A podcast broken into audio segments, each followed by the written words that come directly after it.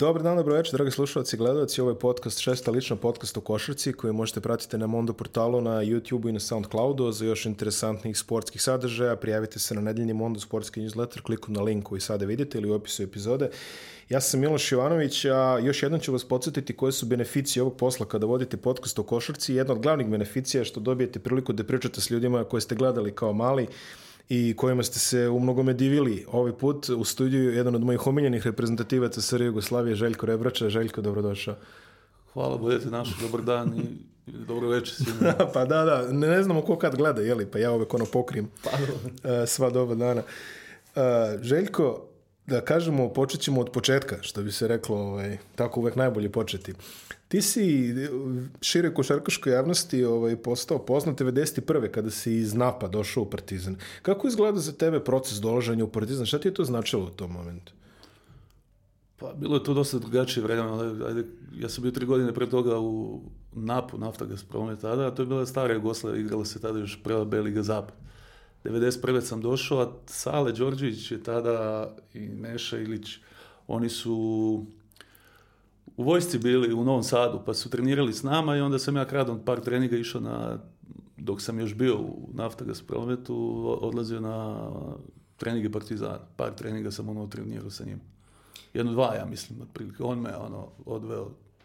I tad su, tad je Dule Vojošić još je bio tad trener Partizana i onda su ajde, njih dvojica Da, to je, to je kad se Dule vratio u Španije, čini mi se, ona jedna pa sezona. Pa ta jedna sezona, da. da. I tu sam neka dva treninga odradio i onda, ali to je bila ono neka prekretnica da će biti, ono, već su kretali oni svi problemi politički mm -hmm. sa... To je bila još bila zainteresna Jugoplastika i Smelt Olimpija. Da, dobro, to je otpalo očigledno. Pa jest, ali ono, prego, ono razgovarali smo, ali ostalo je na Partizanu je. I, I kako je to izgledalo? To su uvijek fascinantne priče kad tako ono mladi igrač dođe ovaj, u veliki klub, ono kako se snalazeš tih ovih prvi nekoliko mjeseci, kako ti sve to izgleda? Sad si deo Partizana na kraju krajeva, mislim.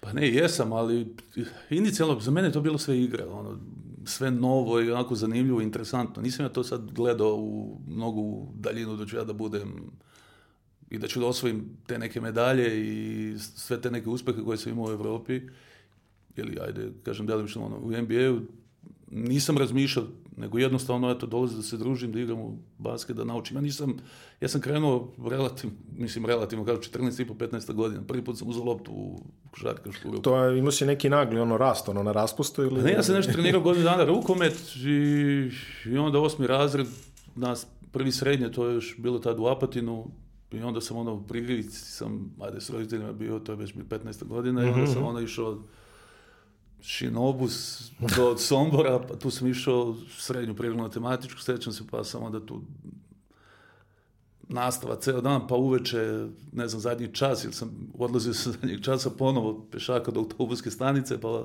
autobus do Apatina, pa tamo trening, pa ponovno autobus Apatin Prilica. To je prilike bilo neki... Pa krug. dobro, da, da treba, treba i to izdržati. I to su odricanje Pa nije, ja sad gledam, ono, klinici se, ono, mame, tate, voze ih na trening, čekaju, pa ono, da li su umorni, da li nisu. I onda meni to, ono, malo mi je to mm, mm. čudno. Da, da, pa... jer, znam, jer znam naša generacija ili kako smo mi to prolazili, pa onda mi je Da, da, da. Nije baš ono 6 km u snegu svaki dan, ali ne, opet nego, ja nije kažem, odlazio najbolj. sam ujutru, sećam se i dan danas, voz iz Priljevice za Somboru 11.20 ujutru, pa nastava do pola sedam, kako, i onda sedam autobus, mm -hmm. već sam imao od osam, ja mislim, do pola deset trening ili 10, tako nešto, i onda sam imao neki autobus iz Zapatina za prilicu pola 11. I kući si u ponoć, otprilike? Pa, otprilike, tako. I onda se to moraš da uskladiš sa školom i sa još nisam ni imao nekih sad izostanaka, kada sad da kažem, onda možda ti neki časovi zadnji, ono što su me I, nastavnici puštali. I znači sa 14 godina uzimaš loptu u ruke, a sa šta, 20 godina si na parketu? Pa sa 19, sa 19, tad sam bio pozvan u reprezentaciju, a, to je 91. tad je bilo u Edmontonu to svetsko prvenstvo, da, još stara da, da. Jugoslave. Onako, to slabo se sećam, nisam nešto posebno. Jer Dule bio selektor. Jeste, da, jeste. Da, da, da. da. I onda smo igrali tamo, bili smo peti, ja mislim. Željko Topalović je bio isto, čini mi se njega ovako. Jeste, je Tarlać, tad je Tarlać da. igrao odlično, tad je ko, bio je tad iz Osijeka, Riddle, bio je Mršić. Uh -huh. uh, Veljko Mršić. Veljko Mršić, da. da. Uh, sad ne mogu, ne, ne mogu da... da Nema vezimo, dobro, da. Ali to je bilo 90, Lončar je bio, Lončar Šilobod, ajde kažem. Mm -hmm. Mi smo se mhm. tada ono priključili, to je nešto duže trajalo, pa smo se priključili pripremama Partizana, kad je Željko preuzeo Partizan. Da, i znači eto, ovaj, s 14 godina hvataš loptu, onda si reprezentativac, igraš svetsko prvenstvo i 92. šta imaš, 20 godina u tom momentu? Ti si šampion 92. da, bili, da, bili smo prvaci Evrope u Istanbulu. I imao si ovaj, ti si ovaj što Aleksandar Đorđević dao je dve trojke, ono, epske sa istog mesta, a ti si ovaj, imao odlično mesta da posmatraš i jednu i drugu. E, kako je izgledala ovaj, ta prva? Čisto da podsjetimo igro si, jeli, gledao se u igros, finalu. ali nisam se, nisam se upisao u tom finalu. Uzasi dva skoka. Uzasi dva skoka. pa, i sad kad gledam to, kad se vratim nazad, to je prošlo od koliko, 27 godina. Da, da, da, da. Onako, sve mi je nešto kao kroz san. Mm -hmm. Jer cela ta sezona bila mnogo... Eh, teško je to sad, ajde sad koncentrisati se samo na, na, na, Jeste, na Istanbul, naravno, nego da, da. cijela ta sezona, nama je bilo putovanje, da li si domaćin ili gost, nosno putuješ. Da. Da. A, Fulan Brada kao domaćina. I to preko Budimpešte, pretpostavljam. Ne, nije. Ne, ne, bilo je, za početak bilo je, išli smo Beograd, Cirih. Znači, upozili smo u Ciriški aerodrom onako, kao da smo kući bili. Jer smo čekali tada avion nešto dugo do, do Madrida. Mm-hmm. I to je odlazak bio utorkom, vraćanje četvrtkom. Ja. E, ne, četvrtkom si igrao, u petak se vrati. I onda igraš domaće prvenstvo, da nedelja i tako u krug stalno. Da, ali, do, do, dosta naporno. Pa jeste, ali znaš kako, kad izađeš u svet i onda vidiš sve ti zanimljivo, sve ti interesantno. Da, pogotovo ono, u tim godinama tad. Pa da, ono, zato šta, mi smo izlazili, onda sad kažu ne izlaziš, znaš, bili smo, onda i izlazili smo nekad i noću zaglavimo, pa opet nam nije bilo ništa naporno, nije ništa bilo teško i treniralo se stvarno, od jutra do sutra.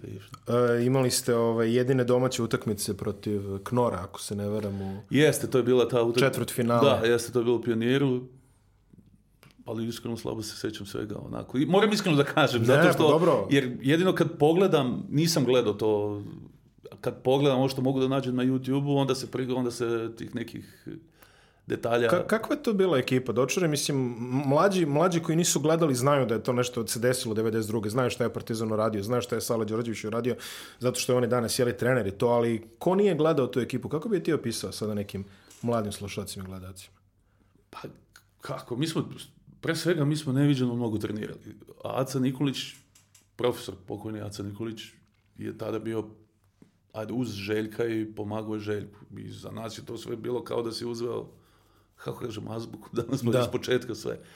I to su bili onako, pre svega, a mentalno teški trenizi. Ajde što fizički, ali i mentalno, pošto smo bukvalno od svega kretali, od kako, kako pre svega da igramo odbranu, pa do napada. Mm -hmm. I sve te kretnje su bile, za mene, bar za mene, bile su sve nove ali generalno mi smo bili svi mladi, Sale Đorđe koliko ima, 24, a Danilović 22. Tako, tako, tako. sve su ja, bili. 20, 19, 20, mislim svi smo bili da, da, da. klinci, ali puni entuzijazma i neviđeno mnogo smo radili, trenirali, to je bilo stvarno strašno koliko smo radili. Niko nije, nije, nije, nije razmišljao sad o nečemu da li ćemo ići na Final Four, jer smo dobili tada ekipe ono koje su stvarno bile vrhunske tad u, na Final Four.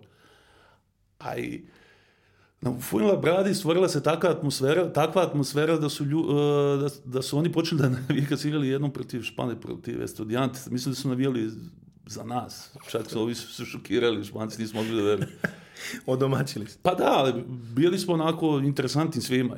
Pa da, ka, mislim kako ne na kraju krajeva koliko je budućih ono... Pa ne, sa, sa tvom, zračili smo nekom energijom, imali smo tu neku energiju. Sad, niko nije znao da li imali smo i talenat i energiju da radimo, ali sad niko nije pretpostavio. I ako bi ti to finale sad stalo, eto, samo u jednu rečenicu, da, da možeš nečega da se setiš, čega se ti sećaš nekako?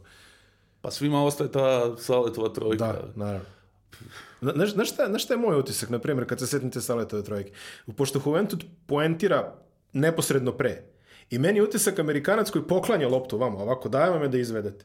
Pa, kao da je neko namistio ono... E, dožno. Da bukvalno, bukvalno ovako i sad to se sećam, to je posle neko jedan u nekim sećanjima u novinama sam čitao kako je naš čovek rekao, novinar koji kaže da je samo napravio neku glupost, da je otprilike ono šutno, pa bacio, A da, odgurno, da, ne, ne, ne bilo šta, ništa. ne bilo ništa od toga. Ali ja kad gledam to, to, to je, jes, sav taj rad u toku tih godina dana, koliko smo mi davali sebe, mi to tek kasnije smo shvatili šta smo mi uradili, šta smo radili, ali izgleda ono, Sećam se i Željko, Obrado, Željko Obradović kada, kada radimo neki sprinteve, ovaj, trči ne do linije nego preko linije. Ne da, možeš da, da skratiš 5 cm nego produži 5. I, mm -hmm. I sve to nekako kad se ono skupi na kraju isplati se taj, bukvalno taj neki sekund ili ta, tih 5 cm ili nečega Jasne. ti dođe na kraju na naplatu.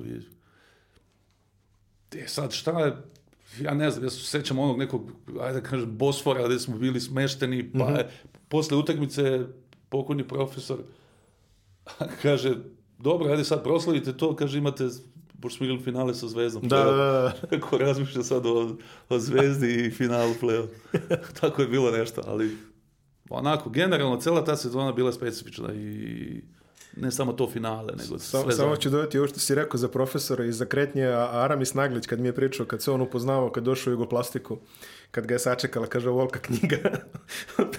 to. Ne, jeste, on je na trenizima stvarno to baš, u jednom momentu uhvatio se, sećam se, uhvatio se mene, ne znam, nekoliko treninga za redom, e, ja tad klinac, ono što mm. Kad je meni tad kao klincu, profesor, da li ima neko umjesto mene umjesto mog imena da nekog drugog proziva. To sam mu rekao. Rebrča, dobro, ti si sad broj 11. I onda me zvao broj 11, ne znam, ja nekoliko, ne znam koliko treninga u daljem ne zove me više po, po imenu nego po broju 11. Kao, ja kao, ono, Profesor je ovaj, ostao čuvan po tom ono suvom smislu za humor. Otprilike. Pa da, ono kad dođu pionir tamo, od onaj kafić što je bio, pa onda mm -hmm. cigare kad je puši, nije niko smeo da mu dira ono gde on kad stavlja pikavce i mhm, kad, mm -hmm. kad otrese cigaru, uvek je pravi neku hrpicu, sećam se, nešto niko nije smeo u njegovu pepeljaru da... da Možda je crta da, da nešto. Pa ne, neke šeme. ali ne, ali bilo je to odbrana, ne znam, od pikerola, do ne znam, do tih nekih stvari. Onda sad kad gledam današnju košarku, ne vidim 70%, 80% tih stvari. Misliš da je sad prostije? Pa i kako nije. Mm. Ja kad vidim odbrane, ovaj, pogotovo ajde i NBA, ali kod nas odbrane pikerola imali smo, ne znam, da li ispod, da li iznad, da li izlaziš pod 90 stepeni po 45, kako prelazim, mislim, govorim samo o pick and rollu, ne govorim da, da sada da. o, opet, o da. drugim da. rotacijama. Kad uradiš dve ili tri rotacije, treća rotacija, to je već odlična odbrana. Mislim, ko danas Ostao si četiri godine u Partizanu, u tvojoj posljednjoj godini ovaj, bio si šampion Evrope sa reprezentacijom. E, kada sumiraš sve to, sve četiri godine u Partizanu, šta ti je sve to značilo u karijeri? Pa ja sam se ta, ajde, to osvajanje u Istanbulu i onda pozivanje, tada Vodora ga ja pozvali, smo bili u reprezentaciju 92. ono kad su nas uh mhm. -huh. skinuli da ne idemo u Barcelonu. U Barcelonu. Probudilo je mene još više, jer počeli su da pišu, da pitaju, i jednostavno kod mene se probudila želja da više da treniram. Mm. Eto, tada je ušao embargo i tih neki tri godine nisam nigde ni izašao. Imao sam sa šta, u pionir, u, u Zemu gde smo trenirali, po ceo dan, šta drugo da radiš, šta, jednostavno tako je, tako je bilo. E, jednostavno, želeo sam da, da, da dokažem, da pokažem nešto, ono, da, da, da nadogradim još to sve što sam, ajde, da ne ostane samo na 92. Znaš, on pa se jasne, izgubiš nešto. I onda to kad smo izašli 95. onda se, ajde, sve ono, nanizalo oni, onih četiri godine ono, za redom. Da, da, jasno. Jasno, ovaj, jer imaš nečega što se sećaš iz, iz tog perioda i ove, ovaj, Jube Lige, ono, Znači, nešto što bi želao da izdvojiš. Pa dosta, prekretnicu kod mene dosta je napravio dolazak Sretenović. Mm-hmm. Kad je on došao, onda me on i ono, kako kažem, razigravao i gledao i... To je 93. Da, i to mi je Željko Lukajić, isto njegov do, godinu dana je još bio Željko Bradović, onda je došao Lukajić i tu mi je, ajde, mnogo su mi pomogli da se razigram, ono, da, jer meni je šta je tad igra bila, ono, ajde, odbrana, blokada i zakucavanje. I onda, mm-hmm. i onda sam, ajde, dosta radio tada na nekoj svojoj individualnoj tehnici, na tom nekom polukorgu, neki taj backhand shoot ili šta već sam, ono, pokušao da- fade da... Away onaj. Pa da, fade da, da, away, da. Da, da, da to usavršim, ali to mi je mnogo, ajde kažem, ta, ta godina mnogo mi je pomogla, ajde kažem, da se da, da se ode na neki drugi, ajde kažem, jedan nivo iznad. Ajde. 95. ti odlaziš u Italiju u ono vreme najjaču uh, Ligu Evrope. Uh, kako, je do, kako je izbor pao baš na, na Trevizo? I jesi imao neke druge ponude u tom momentu? Pa, meni je tada menadžer bio Luciano Capigioni. On je Čuven. bio, da, e, on je dobro prijatelj bio sa Mauricijom Geraldinijem, koji je bio generalni menadžer Benetton. Iskreno, ja nisam ni razmišljao da ću da odem te godine. Mm-hmm. ajde, odigralo se to i tad su oni dolazili, došli su da, da me gledaju. Tad je došao bio i Budzavo, tad je on je bio predsednik e, kluba. Ali znam da je to nešto, pa, da je bilo u vezi obeštećenja, bilo neko veliko obeštećenje, da li ja vredim toliko ili ne. I jednostavno se, ajde kažem, desilo se. Jer ja mislim čak da nije ni Gilberto Benetton koji je bio zadužen za basket i za ta sisli mm vole i mhm. za, za ragbi, nego je, mislim čak da je Lučanu upleo prste, da, jer se pisalo da po gazeti da je sport ili šta, pa je on preseku kaže da je uzmite to klince, šta već. Tako da se ima tu neku sreću, da. Imao si, ovaj, da, imao si vezu. pa jeste, jer prva godina za mene, jer a, posle prethodno posle Kukoča, pa posle Naumovski, Orlando Vulrić koji su igrali, i osvojili su tada ono i prvenstvo, dolazim ja 22, 23, 23, 22, 23 godine, mislim, bez ikakvog iskustva, šta, ono, tri godine u Partizanu, u toj ligi, dolaziš u Benetton koji se bori i treba da se bori za titul.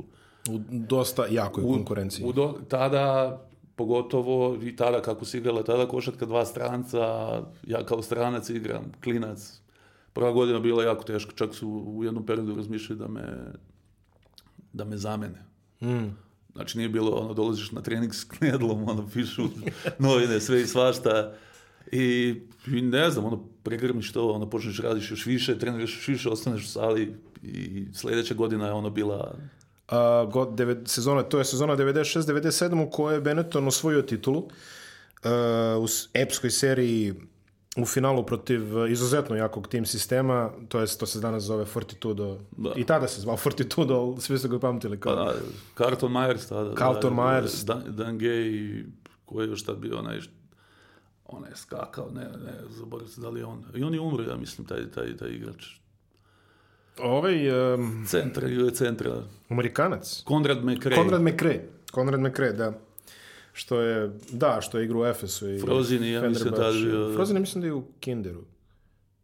To je su ne znam, Virtus. ne znam, nisam siguran, ali Možda, mešam, me, ono, mešam sad više. Kjačig je bio u tim sistemu. Moguće, ali da. mešam, počnem da mešam italijansku reprezentaciju i... Ne, i ono, ono, ono što smo relativno sigurni, tvoja petorka je bila Bonora, eh, Henry Williams, pokojni, Pitis. Ricky Pitis, Denis Marconato i ti, ako, da. se, ako se ja dobro sećam.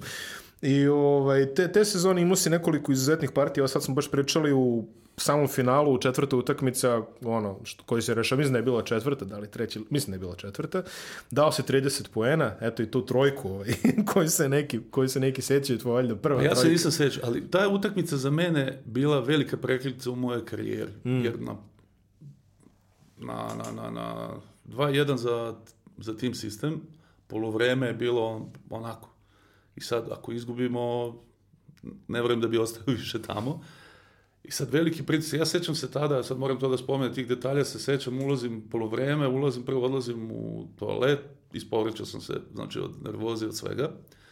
Sedam na, na onu, sed, kao da je danas bilo, znači sedam na, na klupu i sad šta je, tad je trener bio... Ovaj, Mike ovaj, D'Antoni. Mike D'Antoni. Sedam i ne, ne slušam uopšte šta priča. I razmišljam, dole gledam i razmišljam i rekao sad je moment ili uradi nešto ili vraćaš se nazad kući, jer šta, sad je moment. I, I stalno mi se ta, to mi se vrti u glavi. Ta scena. Ta scena, da onda kažem, ili sad uradiš nešto, evo ti sad prilike, sad dobiti tu utakmicu sledeću i sve ti se menja, ideš dalje na I, sljedeći I zaista se ovaj, pa zaista jeste, i, jeste i, i onda se stvarno tako i krenulo. Krenulo je, krenulo je kako treba jer sledeće godine igrali ste Final Four i završili treći i godinu posle ste osvojili kup support. Tako da stiglo, stiglo do Jeste, a 90, da, 97. došao je Željko Bradović. Tako je. I onda su osvojili Ali to je onda, sve mi je nekako vezano tu i reprezentacija i Benetton. Da, da, pa ono. Jer bukvalno ja, ono kako se završi sezona, 70 dana slobodno, idem nešto da se spremam, ja da radim na sebi, jer sam bio tada stvarno o, mršav, ono šta. Mm-hmm. I onda sam radio na sebi i od 96. posle, posle a, tad se Sead Krđović priključio reprezentaciji, od 97. tad sam znam da posle evropskog u Barceloni mm -hmm. i mhm. sam krenuo da radim sa, sa Seadom. Mm -hmm. Ono, intenzivnije i više. I pričao je, ovaj, pričao je Sead u, Zlatnim momcima kako je sve to izgledalo u onoj epizodi. Ovaj, I ti i Sead ste, ovaj, da ne ponavljamo sad, ali da. to su već antologijske pripreme za svetsko prvenstvo 98. Ovaj. Kad ste svi videli duplo, čini mi se. Ovaj. Aha, to je bilo... Pa ne, tako, ispraćeni smo bili, jer da, dosta igrača nije ni igralo. Mm -hmm naših, ajde kaže, koji su iznali ono 95. i 6. Jasno. I sad dolazimo mi kao kako da, da, da nas nazovem, kao indijanci, ono naš, odlaziš, da, da, da, jedan novinar na, na aerodromu, na da, isprati, znam, to, jedan to, dočekao. To je, to je, ovaj, to je. Bićemo osmi, deveti, deseti koji ćemo da budemo i onda, em što se budi inat, a ne sad zbog, ne samo zbog, navijaš, zbog samog sebe, kako, mm -hmm. ako idem tamo, idem da, da uradim nešto što, Tako je. Ono što te čeka, čeka te, uvek u životu, bilo što te čeka, čeka te povrat. Znači da ćeš biti najgori, da ćeš da izgubiš sve, ono što može da se desi, da se desi pobeda. Znači bilo šta da uradiš, ideš ka pobedi. A utakmica sigurno ćeš izgubiti to ako ne, ako ne uradiš, ne uradiš ništa. da, neko će uraditi za tebe. pa da, ali ja kažem, ono, ono što je sigurno da ćeš da izgubiš utakmicu, to je da. najsigurnije, a sve ono preko toga ti je plus. Uh, samo pre nego što odemo detaljno na reprezentaciju, samo dve stvari u Benetonu bi volao da nam, da nam kaže prvo kako je bilo raditi s Majkom Dantonim koji sada ovaj, slavni NBA stručnjak, mislim, i u to vreme je bio jako poznat trener, ali evo sad je došao i do mlađe publike, a drugo, ispričano nešto jednom od mojih omiljenih igrača evropske košarke svih vremena, sada, nažalost, pokojnom Henryu Williamsu. Pa je ta košarka što Mike D'Antoni, on to se radi u, u Houstonu. Da. A mi ono kako dolazi kraj sezone, mi nismo bili, nismo bili spremni. Mi smo jedva, ja, to, duša je bila u nosu. A to se vidi sada u, u Houstonu, kako se bliži kraj, sve slabije i slabije igre. Ja se sećam momenta nekih sa treninga i sad ako sam odigrao utakmicu, on kaže, ja 24. godina, ovaj, mm. kako, mhm. kaže, ajde odmori, idi ti u tamo neki džakuzi, idi odmori, neka masaža. I meni ono, ovi stari igrači ga ostaju do da šutira, kaže ti treba da budeš spreman za sutrašnju utakmicu ili šta već. Meni bilo to čudno, da ja sa 23-24 idem da ovi će da šutiraju, ja kao idi da, idi da odmoriš ti, ti bitan si sutra. tako, i tako neki, ali njegova ta košarka, ono, ajde kažem, odbrana nešto i ajmo u napad, ono, trči, mm šutira i puca što je i pokojni Henry Williams, to je njemu odgovaralo, a ne, ali neviđen leva, kako kažem, ne, ne, ne mogu to da... da odraz, da do... odraz metar. O, da, a nizak, ali kad onaj skok šut, znači ne može niko da ga, da. da ga blokira. Jedan od stvarno najnadrealnijih skok šuta. I onda kad te krene, to je, on je bio neki preteča pionir ovih današnjih ovih šutera. Uh mhm, -huh. Mhm. Jer je bio čudo za sve u celoj ligi tada. Kao što su danas ove Krgi ili ko, ko već. Da, da. Tada je on šutirao, on je došao iz Verone, ja mislim, pa je... Uh mhm. -huh došao do, do, do Beneta. Ali bilo je tako tih nekih ono 5-6 minuta tih prozora kad krene da šutira, to je znači... I da, ali neverovatno, neverovatno skok šut šutio mu, niko nije mogao ovaj... Pa da, ono, da li je tad bila koliko je ta trojka, 6-25, ali da li on mm. šutno sa 8 ili sa, to nije gledao, mislim da... Imao ima je domet, imao je da. domet. Da.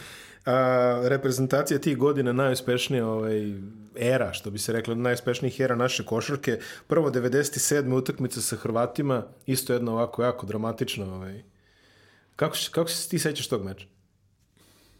Pa to je, me, to bio prva, bila je prva utakmica sa njim. Da. I osjetiš tu dozu pritiska. I mm. osjetiš dozu pritiska i, i u zemlji isto je bila. Nije sad tu niko nas zvao, da, da, mm. nego mhm. tu osjetiš jednostavno ti. Da, da, da, U to vrijeme bili smo dosta bolji od njih. Oni rasterećeni Da, oni su se podmladili nešto. Da, i onda da, će, se da, li će, da, da li će da dobiju ili neće da dobiju, to nima. Mi sa tom ekipom moramo da dobijemo, jer šta nemamo... Da, da, da. I onda u Grču smo ušli i ušli smo u takvu završnicu kako smo ušli. Ali kad su vidio Saleta da ide, da ide onim istom putanjom kao i u Istanbulu... Tebi je laknulo. Pa da, ali onda već, kao kažem, već viđeno, jer ako, opet će kao, znaš. I tako je, tako se i završilo. A 98. utakmica, ovaj, definitivno finale protiv Rusa. I ovaj, meni, je, meni je fascinantno da ja sad tebe gledam ovako, ovaj, preko puta sebe ovaj, nasmijano, ovako fino govoriš, eh, osmeh, sve to, sve to, ja 98. da sam te video, ovaj, da sad moram da procenim kako da se postavim prema tebi, sakrio bi se, čini mi se, za ove one stolice. Što za... Pa, izgleda si ko Terminator, mislim, otprilike ono, bez osjećaja, bez ičega, ja sećam kako hvataš onaj skok između, kad je Topić promašio bacanje, I ono, pola Rusije te otprilike na leđima, ovaj, a ti hvataš. Kako izgleda tih, sećaš uopšte tiče, kako to izgleda tebi sad, tih poslednjih pet minuta meča, kada se sve prolomilo i kada je sve stalo? Ta utakmica bila, oni su igrali specifičnu košarku, ne, neke osmice gore, ne, tu moraš da izlaziš, to kao što Golden State, ono, otprilike. Pa imali nešto. su Kudeljina koji je ono s 9 smo metara. neviđeno spremni mm. i svi su igrali odgledno, ne znam da li je tu jedan igrač ili dvojica, ajde kažem, koji su se prevlačili, znaš, ono, to je Sala Đorđević Bodirog, ajde, koji su ono, Ali dobro, imali su kredite da, da, za to. Svi ostali su igrali Sale Obradović, to znači strašno kako je igrao na odbranu tada. I neviđeno spremni smo bili. Mm -hmm. Sjećam se ta utakmica kako ide, oni vode, te dođu do 10 razlike, te nešto, mi na šest, ali ne možeš da prelomiš. I pre tih, ajde, zadnjih koliko minuta, ja sam otišao nešto na klupu i sedim, ja kažem, sećam se, ja rekao, sjećam se i koponika i priprema i svega. Jer zar je moguće da će se on košarkom da nas dobi? Ja kažem, igramo, spremni smo i ono, vidim da ne... Rekao, da li je moguće? I sad tu ja kratko, se, to kratko sve traje, onako, i vraćaš se unazad i desi se to što se desi, ali jednostavno, kao kažem, nisam nisam planirao ja to sve sad, pa da ni taj skok, ni nego ideš ono sad, pa sve ono što sam ostavio i što sam radio, kako, i ajde kažem, tu je bila bitna snaga, ajde sada, koja me, ajde, koja mi je pomogla u tom momentu. Je. I onaj zadnji blok, ono, ok, skočnost, skako da kažem. Ali na taj blok sam otišao ni ne razmišljajući, on je on išao na ulaz neki, ja sam mm -hmm. samo ono iz okreta skočio. Instinktivno, bez ikakvog razmišljanja. Pa rekao, skočim što više mogu, ne, ne, ne da može neko da me preskoči, tako da, otprilike tako bilo neko razmišljanje. Ali da je išao s dve ruke ono na kucanje, to bilo malo, ajde, s njegove strane naivno, ali dobro, okej, okay. dobro došlo. ja nikad neću zaboraviti ovaj, jednog lekar posle, mislim, jeli, posle kad ste vi to osvojili i onda su počele, počelo slavlje i počelo je ovaj, sve to i tako dalje. I ovaj, u kamere su uhvatile ljude na ulici, znaš, ono već slave se i jedan čovek je ovaj, bili su ljudi obučeni u ogromne banane, razumiješ sve to već kako ide. Ovaj, ali bio je jedan čovek koji je bukvalno nije ništa rekao, samo je samo je rekao kameru ovako. S samo je rekao ovako. Skok u napadu, zicer, blokada, mala škola košarke. eto, to je, to, je, to je čovjek rekao tada. I o, eto, tako je to nama svima izgledalo ovaj, zaista, ruku na srce ti godine. A dobro, ljudi se sećaju uvek ti krajeva, ne znam, mm. Istanbul, Sale to trojka, Hrvati, mm -hmm. trojka, ajde tih zadnjih momenta, ali ispred toga imam mnogo rada, mnogo no, stvari, da, mnogo da. momaka koji su tada Šepanović, Salo Bradović, Mića Berić, Tomašević, sada ajde da, na, da. da, da. mislim stvarno na treningu, neviđeno smo trenirali, tada je uh, Bulatović bio Bulatović i, i, i mla, tad je mlada, ajde, drobnjak. Da. Ali trenizi su bili neviđeno jaki. Bulatović koji je stvarno stvario odličnu ulogu. Pa ne, mogu da igrao, mogu da igrao gde, bilo gde tad u tom momentu. Da. Bilo kojoj ekipi i reprezentaciji. Da. Ali je bio, nije ni ulazio, mislim, sad ajde. Da, da, da, bio je Milenko Topić isto na ovoj. Milenko, ona a, utakmica protiv Italijana. A ono što je promašio za, za pobedu, mislim, da. što, da. A ne, okej, okay, nego ne, ne, kažem, ne, ne, ali dobro, ne, dobro je to poraz bio.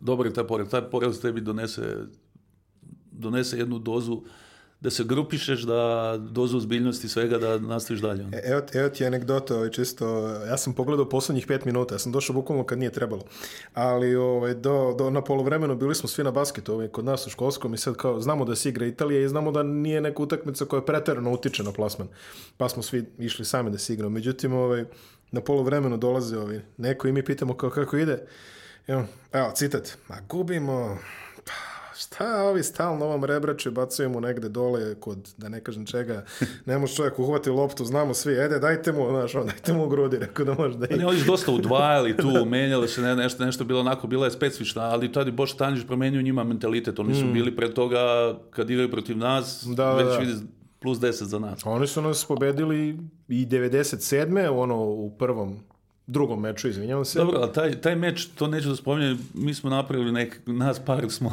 izašli malo u Barceloni. Pa A, smo... jel tako? Aha, dobro, dobro. Ne, to, ne. Ajde, to je neka tajna, to se nešto spomenuo i sada kad je bilo na RTS-u o Zlatnim momci, tu se nešto Aha, aha. No neka, neka, neka ostane. Ali neka ostane to, ako ne, na, naša mala tajna. Ali uzeli smo zlato, tako da, da ne da, može da... serijom 12-0 na početku. protiv.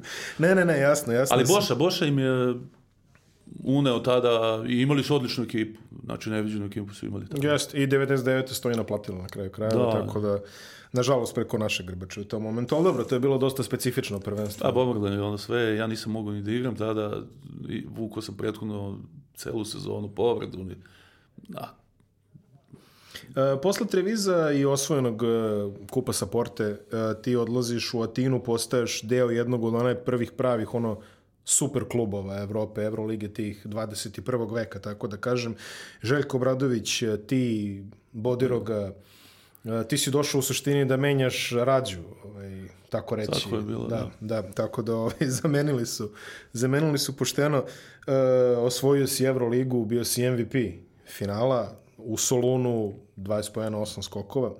E, kako, kako ti je Atina ostala u sjećanju? Ajde, sad si, znači imao si Atinu i reprezentativno, imaš i ovako klubsku Atinu. Pa gledaj, oni, uh, oni kao nacija, Grčka kao nacija, osjeća, osjećaš taj i na, naš mentalitet, mm -hmm. ajde mhm. da kažem. Pa jest. Slični smo u, u, u dosta stvari. Atina, prelep grad, prelepo vreme, ali čim smo došli, kad smo otišli u Roglu, na, na Roglu u Sloveniju na pripreme, osjeti se već Final Four i finale, moraš da kako da, kažeš, da, da, da. pored ekipe, tada i Odet Kataš. Jeste, Kataš, da, Gentile, da. Uh, MVP prvenstva Grč, uh, španskog, tada je bio... Johnny Rodgers. Ne, Patrick Borg. A, Pat, a Pat Borg, ovaj centar irac. Znači, kakav je to trening A mislim da je Rodgers bio isto kod vas. Jeste, je, Johnny da, da, da, Rodgers, ali sa Patrickom Borgom on je bio MVP španskog prvenstva mm -hmm. i on mi je zamena i ga 10 minuta umjesto mene. O, gadan igrač, le, levoruk, ovaj, e, M jak, M skočan, M...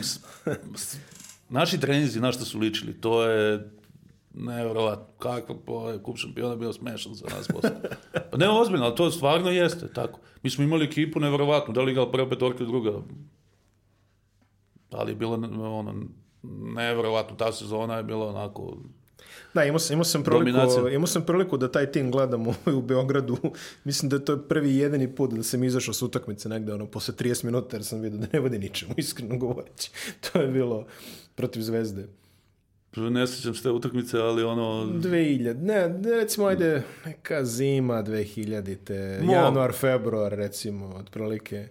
Ne, ali ta godina je bila, da li smo izgubili četiri ili šest, ne znam koliko sad, ali to, i to smo, jednu smo izgubili zato što smo uh, spuštali formu, pojačavali trening i onda kad smo dolazili na utakmice, ono ne pune noge, ne zbog Final Fora, na primjer. Pa smo mhm, mhm. imali i tu privilegiju, kako kažu, da možemo i to da radimo na, na, na, da kao spuštamo form, kao šta će nam sad uliko ovako dobro da igramo mjesec i po dana pred, eh, pred Final Four. I onda smo obarali form. To je u suštini ovaj, bio i početak eh, dinastije Panathinaikosa koji je Željko Obradović uspostavio. Jeste, da. I sistem, njegov sistem treninga, svega, obaveza, način ponašanja. Us...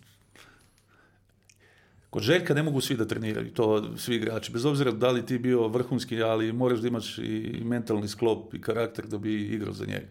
Ne može mm. svako to da izdrži, pre svega, mm -hmm. jer zahteva, zahteva mnogo od tebe, a da li ti to možeš da sprovedeš na, na teren pod tom dozom i pritiska, mm -hmm. a i sam klub očekuje tebe da, da osvojiš i da budeš najbolji. I on što traži od tebe, da li može to da ispostojiš? Moraš da budeš ba... košarkaški pismen. Mm -hmm. košarkaški pismen. Jasno, Govorim da znaš sve o košarci i još šta on zna da ti on to prenese i da to sprovedeš. Znači, to nisu ni malo lagani trenizi. Ne, ne fizički samo, nego i mentalno i pogotovo način njegovog prenošena znanja na, na tebe. Tako da... da to, to pa ne, onda dođeš u situaciju, bilo tu raznih situacija ono na treningu, ali to je sada ostaje između nas, ali ja sam, prelepo je da se setiš takvih momenta. Meni je to drago da se seti. Dođe malte ne do ne do tuče, ali ono, više... dođe, do, dođe do ozbiljnih oko. Pa tako nam uvek izgleda. Mislim, A ne, on, on nije, on je, on je čovek koji nije sad onoga koji je zadnji na, na, na, na klupi, onaj, kaže 12 igrač, nego mm. napada, mm. da će napad mene, Bodrigu ili, kako kažem, iz prve petorke, koga mm -hmm. napada. I mhm. ona daj, Brović, imaš nekog drugog, ajde sad pređi na nekog. Mislim, to je, po, da. Da, da, da, ne mogu više, daš, ti ne možeš da rušiš autoritet treneru i kad on nije u pravu. Možeš da mm. da ćutiš i kad nije u pravu. E sad to mnogi igrači ne mogu to da, da, da, da, da, da pređu preko toga. Jer kad trener nije u pravu, ti odmah se sugubiš sa njim. A mi smo imali tu neku kulturu da, ok, desi se trener i da pogreši nešto, ali čutiš, ono, izdržiš to, prođeš kroz to, i onda posle popričate da li posle treninga ili posle utakmice ili čega. Ali nismo rušili autoritet nikad trener Bez obzira kad... Tako smo obrazovani. Pa tako je bilo tada pa, i to je davalo rezultate. Svako ko je trenirao košarku u Srbiji, pa u poslednjih, onaj da kažemo, između 80. i 2000. te ne, ne smem da tvrdim za dalje, ali tako je bilo. Pa ne, ja, ja, ja kažem, da. imao sam tu sreću da radim sa njim od početka, od, od kako sam došao Partizan tu dve godine, pa dve godine u Benetonu i dve godine u, u Panatenikusu, to je klubski, i plus reprezentacija. reprezentacija i ajde dve god, e, godinu dana ili dve, ajde da računam 92. i 95. Uh, tad je bio trener Ivković. Mm -hmm. Mislim, ta škola košarke je specifična i, i odatle su nastavili svi današnji treneri od tih današnji mladi, ajde kaže, mogu samo da uče od, od njih. E, osvajanjem, mislim, uspešnom epizodom u Atini, ti si u suštini osvojio sve što se moglo osvojiti u Evropi. I jesi, kako to izgledalo tada? Mislim, NBA je u to vreme bio logičan prelazak. U ono vreme u NBA su išli igrač koji ostvare sve. I onda, i onda krenu. Jeste, ja sam imao možda priliku posle te 98. Ajde mm -hmm. sad mhm. ovako, kad, mm -hmm. da, da sam tada otišao, da.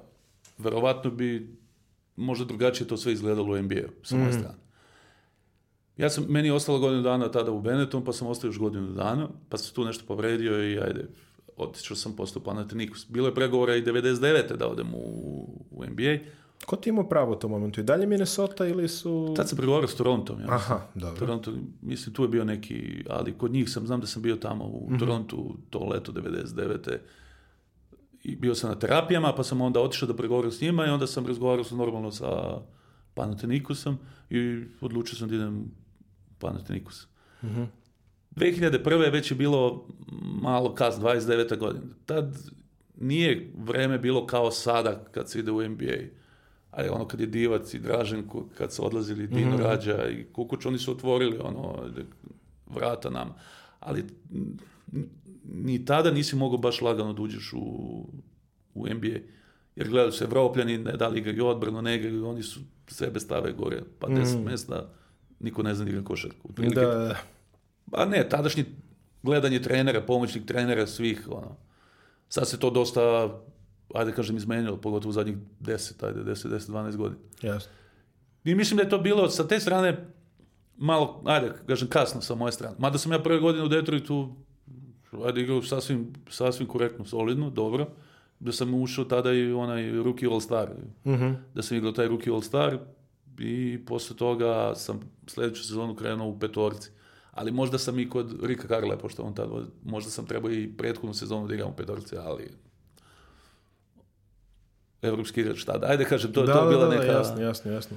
Skepsa je postojala. Pa jeste, da. Ono, i, ko je tad bio, bio Ben Wallace i ovaj drugi je bio iz Portlanda što je igrao ono, finale. Ali zaborio sam, ajde sad. Robinson. Cliff Robinson. Cliff Robinson. I onda on kao stari igrač, ono, mm -hmm. nisu njega mogli sad sa klupe, nego je, ali znam da je Joe Dumars kao predsjednik insistirao da ja počnem petorku, ali, ali, ajde sad, to je već, ajde, kako je tebi izgledalo sve to u NBA, ono, posle toliko godina Evrope? Pre svega, ti si, mislim, ono igrač koji je navikao da osvaja trofeje, da igra za trofeje. Kako si ti uklopio to, ono, danas, sutra, gubi, dobije idemo dalje? Pa inicijalno je čudno bilo. Mm. Jer, ali kad vidiš, kad uđeš već posle jednu 20 utakmica, nemaš ti vremena ni da razmišljaš o, već sad, ajde kažem, iz, danas igraš i izgubiš. Mm. Imaš sastanak posle te utakmice, razgovaraš 15-20 minuta, pa ti već sutra ako igraš back to back. Da, da, da. da. Šta, ne, ne mogu sad razmišljam o ovome sad već. Ajde, pogledamo mi taj video, šta već, koji si greške pravio, ali već prelaziš na sledeću utakmicu. I, i ti bukvalno, ajde, prvih možda desetak utakmica sam to shvatio onako... U hodu. I onda to shvatiš da to moraš tako, da jednostavno nemaš vremena da razmišljaš ti šta si, pogledaš koje si greške radio, ali već dolazi sledeća utakmica, novi igrači, imaš 82 utakmice, nemaš vremena da razmišljaš o prethodnom porazu. Mm, mm. Jednostavno je NBA ti je produkt ono, zapravo za, za navijače, da kao što je McDonald's, kao kažeš, ljudi dolaze jasno, tamo, jasno. da li dolaze na sastanke i jedu, ti bukvalno u tom regularnom delu, uh prve tri četvrtine, ljudi gledaju onako, jedu, piju, šta već rade, i ako je interesantna zadnja četvrtina, onda... Ne, onda, onda se svi, fokusiraju, da, da. da. Sve do play-offa, a play-off je, ajde, kaže nešto. Ima si priliku da igraš play-off ovaj... Ja, e, jesam, tu prvu godinu igrali smo protiv Toronto Raptorsa, dobili smo ih Tad je još... Vince Carter. da, igrao je Hakim. Je igrao za... Aha, da, da, to su one poslednje njegove. I tu smo prošli i drugu krenuli za Boston. I mm -hmm. na mhm. treningu se desi da mi pukne kost na šaci. Mm, da nisam mm. igrao tada. Sad, da zbog toga smo izgubili, to da dolazimo. Ali, ajde kažem, bio sam jedan ajde, od, od bitnih odnos klupe koji su ulazili, ono, jer se tad još igralo snažno ono, ispod koša. Jeste, i, da, da, da. Bilo da, da. je potrebno. Da gde smo ispali. Sledeću godinu smo smo ušli, uh, da li smo ušli polufinale, da li smo igrali polufinale. Mhm. Mm Ist, da, ne mogu sad no, pa da, da se ne, sedim. da. Igrali smo sve bolje i bolje. I treću godinu, u poslednjem momentu, Joe Dumar, sećam kad me zvao za trade, nije hteo generalno da me traduje, ali zbog salary kapa, zbog ugovora svega morao da ukomponuje da bi uzeli uh, Rašida, a kojim da budemo, ali da budemo iskreni, Rashid je bio potreban. Da, kojim to je treba, ekipi. da. Manje, da. manje sam i bio potreban ja nego... Završio si u Atlanti, čini mi se. Pa da, da, dva mm. meseca i onda posle dva meseca sam potpisao novi ugovor sa sa Clippers. Da, da, u suštini ono, ovaj, kao i... Ali izmaklo mi to za malo. Je, mo, da, mogo si, mogo si... Mogo si i prsten, ali... Mogo si prsten da uzmeš, da. Ali dobro, ali Rašid je bio mnogo, mnogo bolje rešenje i završavaš onda ovaj, NBA karijeru. E, ti, si prešao kao Boban Marjanović ovaj, iz Detroita u, u Clippers, ovaj, jer i tebe bila enormna promena od jednog. Ne, bilo je tu neki ponovno Boston, ja rekao ovamo Detroit, ono sneg od novembra, metar snega i ono sve. A to svi ono. rekao, ali može manji ugovor, nije problem, god da idem do Los Angelesa, ono, rekao, tamo da bude lepo vreme. I...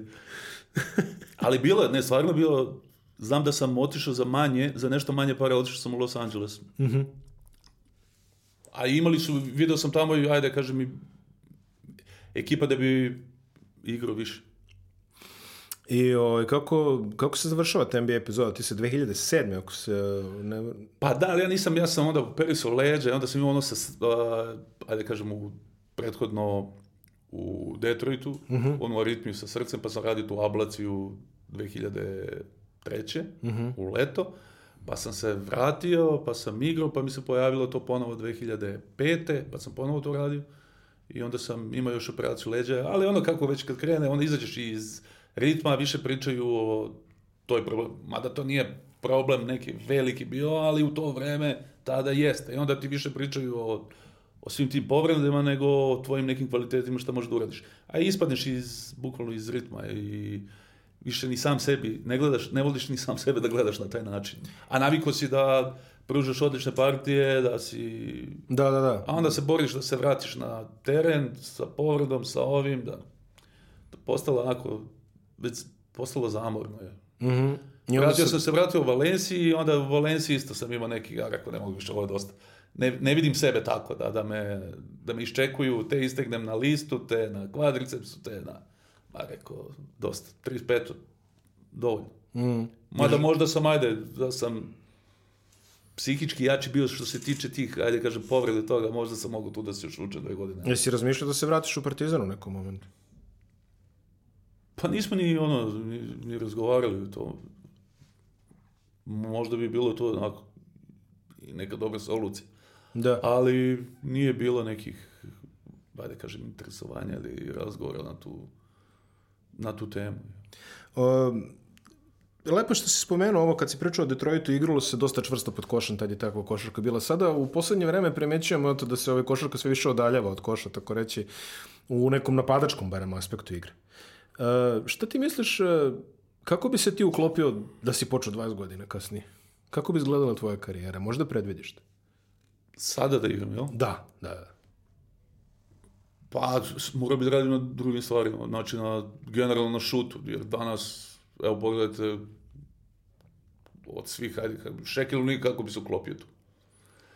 Okej, okay, da, daleko toga da ne bi, jer bi mhm. bila igra podređena njemu, ali kako bi on izlazio na pick and roll, na Opa, karija da. ili na... Stalno bi igrali pick and roll na... Dosta se to, dosta se izvuklo. Ma, klasičnih centara više nema. Da, Znači, da, vrlo centar mora, da- znači, mora da šutira trojke. Da. Oni su bukvalno ono za, za neke specijalne zadatke. Pa da, da, ono. Oruđe, što bi se reklo. Pa da, ali dosta se, ali ne igra se odbrana, ono, to prosek, ja mislim, 30 poena više se daje. Mm -hmm. I onda gledaj, ljudi da pogledaju kako igra, ajde da kaže Harden, kako igra odbrana. Ja, meni je to smešno. Znači, on čovjek stoji, niti gleda, niti pick and roll, da li igra, ma ništa, ne, ne, ne, ne interesuje ga. Ili u napadu, kada oda loptu sa, na stranu mm. i hmm. neko igra, on čovjek stane kao statua. Pa ne, to može da pogleda se ono, nije to sad da ja da, sad da, nešto pa- izmišljam, da ja njegov kvalitet daleko od toga, jedan, jedan beljivo najboljih igrača, ali kad ti pogledaš kad ono os, da loptu u stranu, mm -hmm. čovjek ne pomera, smalte ne krene unazad, ono da se vraća igra je, evo, je bukvalno s polja. Mm Ne igra se više, šta se igra više unutra. I to su većinom neki piker olovi, bacanje gorale, upavi, šta mm -hmm. već drugačije, ne znam, meni je zanimljivija ona iz 90-ih, ono, Michael Jordan i oni kad su igrali, pa to. mislim, možda one serije sa New Yorkom, sa Miamijem, sa Phoenixom, i sad je to postalo, znaš, igrač koji je, pa onda zovu jedan drugog da dođu u ovu ekipu da, pa da naprave, ne znam, dva, da, da, tri, da, četiri All-Stara, pa da, na, da, da osvoje titul. Ta, to, toga nije bilo. Hakim nije išao iz Houstona dok koliko godina je se muči da bi osvojio. Da. Barkley isto, bio u Phoenixu tamo, pa nije, ali Jordan nije se pomerao. Imali, svaki grad imao svog, eh, svoju zvezdu. Ono. Mm -hmm. A sad se to već, kako kažem, šeta se, da, da, da, da. šalje se. Tako ko, da. ovaj, ko italijanski futbol, ono, svi idu iz Milana pa ne, Inter, ne, iz nema, mi, nema, nema mi te draži. Ne mm. mogu da mm. gledam, ranije sam mogu da gledam mnogo utakmica NBA, sad ne mogu, sad nije mi, nije mi interesantno. Kad nema odbrane, nema, ne, neko želi da vidi ono da se malo da, da se pobiju, da, da, da, da, da, da pa vidiš... Pa ja, da vidiš meso, Ovo. Pa da, ovo, šta sad, ono, znaš, ono, prolaze pored kao brzi voze. Ono, ti, u ono vreme 80% njih ne bi ni igralo. U ono vreme. Ili sa ovom odbranom, da, da ih prebaciš u ono vreme sa onim hand-checkingom. Da. Ti danas, kad gledaš, ti ne, ne, smeš da ga, ne smeš da ga dirneš. Kad je ono face to face. Da, da, da, jasno. Odmah je foul. Mislim da ima ono kao 2.9 second, koliko možeš, znaš, on, aha, staviš ruku i moraš već da sloniš. Kako? Ne, nema ne, a onda hand checking koliko Jordan, evo sad po mom. Ja sam igrao ono prvih onih utakmica kad se vrati. Mogu da zamislim kakav je bio 90. godina. Da, da, da. da. Sad prosjek 50 vidimo. Ali onako bez... Onda je imao, a ne sada. Ovo. Jasne. Ne umanjujem, ali se dosta, dosta jest, se izmenilo. Jeste, slažem se s tobom. Čeka se da u trećini da neko da 30 poena ili neko da 13 trojki u toku utakmice. Kao, Pa da, ono, u ono vreme bilo, neko bi te isekao, izlomio bi te, ne bi te napravio jednu pet faula i ajmo. Uh, Željko, ti već neko vreme si van košarke, tako da kažemo, ovaj, uh, sada se baviš nečime što, što se zove finansijski wellness. Ma, fin gym, ajde, skraćenica, svi misle da to teretana, ali ne. jeste, pa ne, kad, kad pogledaš, ono, stvarno izgleda kao teretana, ono, kao... Ali... Pa jeste, ali je... Posle sveg tog iskustva kroz koju sam prošao, ajde kažem i dok, eh, dok sam igrao, mm-hmm. a i posle, ta neka finansijska edukacija, što sportista, što, što ljudi. Da. Dosta grešaka praviš u, u životu, mnogi, ajde kažem, i sportisti, ali i ljudi. Evo. Ali ta neka finansijska pit... Izvini, mora, moram da citiram tvog saigrača Sašu Đorđevića koji kaže, a onda se jednog jutra probudiš i shvatiš da ne znaš da platiš račun za struju. Pa jeste tako, ali a, ajde sad spominjem sportiste. Sportisti su dosta sujetni mm -hmm. i mhm. ego im je mnogo jak. I misle mm -hmm. da mhm. sve znaju ako imaš veliki ugovor. I onda kada, kada dođeš u neke realne situacije, ti misliš da sve znaš. Ne znaš, ti u stvari imaš samo predispoziciju to da, da poznaješ ljude, te konekcije, ali ne poznaš, moraš da krećeš od nule. A ovo smo ušli, ova aplikacija je mnogo interesantna, jer pravimo i pravimo neka predavanja i sa olimpijskim komitetom i Srbije i Crne Gore, Slovenije, međunarodnim, a, da se edukuju da ono što smo mi prošli prenesemo, jer najbolje je tako preneti nekom. Jednostavno to, jer i, i, i čoveku isto, sad tebi, meni ili kome, nećeš da odeš u banku, da ti neko objasni o svemu tome, da provedeš sat vremena, nećeš, nećeš razumeti ništa. Jasno. Ovo je nekako smanjeno da, da ti razumeš jednostavnim jezikom za kratko vreme da shvatiš šta ti je potrebno. Znači, nije, ovo nije predviđeno za ljude, predviđeno, je, ali nije nego za ljude koji imaju normalnu platu. Jer svi koji odlaze na, na posao, mm-hmm. napravljena je analiza. Većinu svog vremena i kad tamo rad provode razmišljajući o onim računima i onom svemu o financijskim problemima. I onda je ovo pokazalo da može da ti smanje neki finansijski stres koji ti imaš dok dođeš kad si na poslu onih 8 sati da radiš, 2-3 sata razmišljaš o tom nekom Jasno. svom problemu. O računima, o kreditima. A ovo ti može da ti pomogne, mi ovde ne dunimo ništa uloži tamo, uloži vamo, nego jednostavno da, da, da, da, da vidiš i da ti prepoznaješ situacije životne i da ti bude jednostavnije. Dosta, dosta korisno, ovaj, dosta korisna stvar, pogotovo eto, i što ti kažeš, no, ali pogotovo za sportiste, jer u NBA-u već imaju te neke programe opisme, finansijskog opismenjavanja sportista, jer imali su puno visokoprofilnih slučajeva ove, igrača koji su ostali bez krova nad glavom zbog loših stvari, tako da dobro vidite da se u Evropi pravi ovako neka Pa jeste, to je i za sportiste, a i generalno za, za ljude, znači da, da, da se njima to prezentuje, da oni, jer sad vreme, ajde, na telefonu, sve se dešava na telefonu. Jeste aplikacija je jednostavna i nije komplikovana. Znači da, da može mnogo da ti, može mnogo da ti pomogne. I ovaj, samo za kraj volio bih te da pitam dva pitanja. Prvo ono moje standardno, a to je tri najteža Tri najteže igrača koje si morao da čuvaš tokom karijere. Koji je ostavio najveći utisak na tebe? Uh, dobro, na početak, onda 92. onda je Darrell Dawkins tada. A, Chocolate Thunder, ovaj pokojni. Da.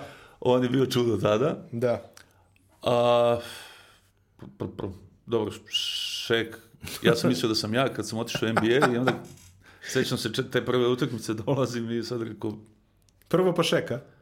Pa nije, nije prva utakmica, ali ne, rekao, ne, kad je, da, njega, i da. onda sad rekao da vidim šta svi pričaju, rekao ja sad mislim da sam, jer tad sam ne znam, ja, i bench imao da 160-170 kg, ne znam mm. ja šta, mm. i mislim da sam snažan.